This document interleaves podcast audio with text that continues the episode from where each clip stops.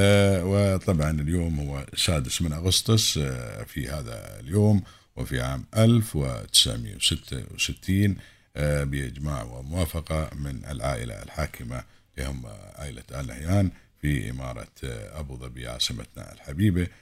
تقلد المفعول له بإذن الله تعالى الشيخ زايد بن سلطان آل نهيان.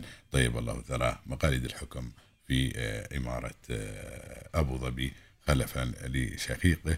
الشيخ شخبوط بن سلطان اللهيان آه، طيب الله آه، ثرى. آه، الشيخ زايد الله يغفر له ويرحمه طبعا ولد في قصر الحصن في مدينة أبو ظبي عام 1918 والده الشيخ سلطان بن زايد كان حاكما لإمارة أبو ظبي من العام 22 إلى العام 26 وكان الشيخ زايد الابن الأصغر بين أربعة أشقاء.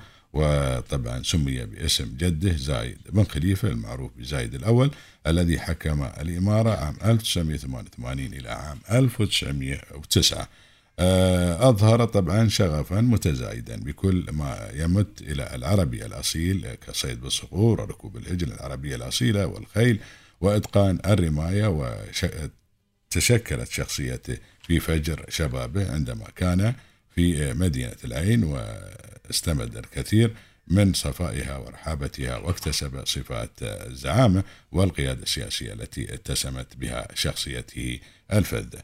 آه، عين الله يغفر له ويرحمه آه، عام 1946 ممثلا لشقيقه الشيخ شخبوط أو شخبوط بن سلطان آل عيان حاكم إمارة أبو ظبي في المنطقة الشرقية وامتدت فترة ولايته فيها عشرين عام واشتهر بشخصيته القيادية بين سكان المنطقة وحظى بسمعة طيبة وكان نموذجا يحتذى به في إدارة الحكم وتمثلت طبعا آه، مبادئ القيادة لديه ببناء الروابط القوية بينه وبين أفراد آه، طبعا شعبه والمحافظة على تلك الروابط وكان يحرص على الإشراف بنفسه على تنفيذ الإصلاحات وكان مجلسه مفتوحا للجميع. الله يغفر له ويرحمه. وبعد ذلك طبعا في مثل هذا اليوم آه، تقلد آه، أو تقلد في محاكم حاكمه لإمارة أبو ظبي آه، في 6 أغسطس. وبعدها من هذا طبعا كان يخطط لعمل أكبر اللي هو ال ال ال ال ال ال الاتحاد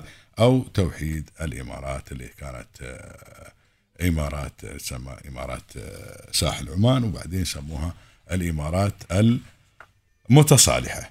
والحمد لله رب العالمين وين كنا وين أصبحنا. الله يغفر له ويرحمه ويحسن إليه إن شاء الله يا رب العالمين ويجزي عنا خير الجزاء على كل ما فعل هذا الرجل. ولو سوينا ما سوينا لن نوفي هذا الرجل حقه الله يغفر له ويرحمه ولن نوفي هذا الوطن حقه على كل ما قدمه لنا. الله يغفر له ويرحمه ويحسن إليه إن شاء الله يا رب العالمين. ودائما يقولون من خلف ما مات وخلف زايد الحمد لله رب العالمين اللي هو الشيخ خليفة موجود وإخوان الشيخ محمد وإخوانه وأيضا كل اللي الحكام اللي موجودين الآن واللي تتلمذوا أو تربوا على يد الشيخ زايد الله يغفر له ويرحمه ودرسوا من مدرسة زايد.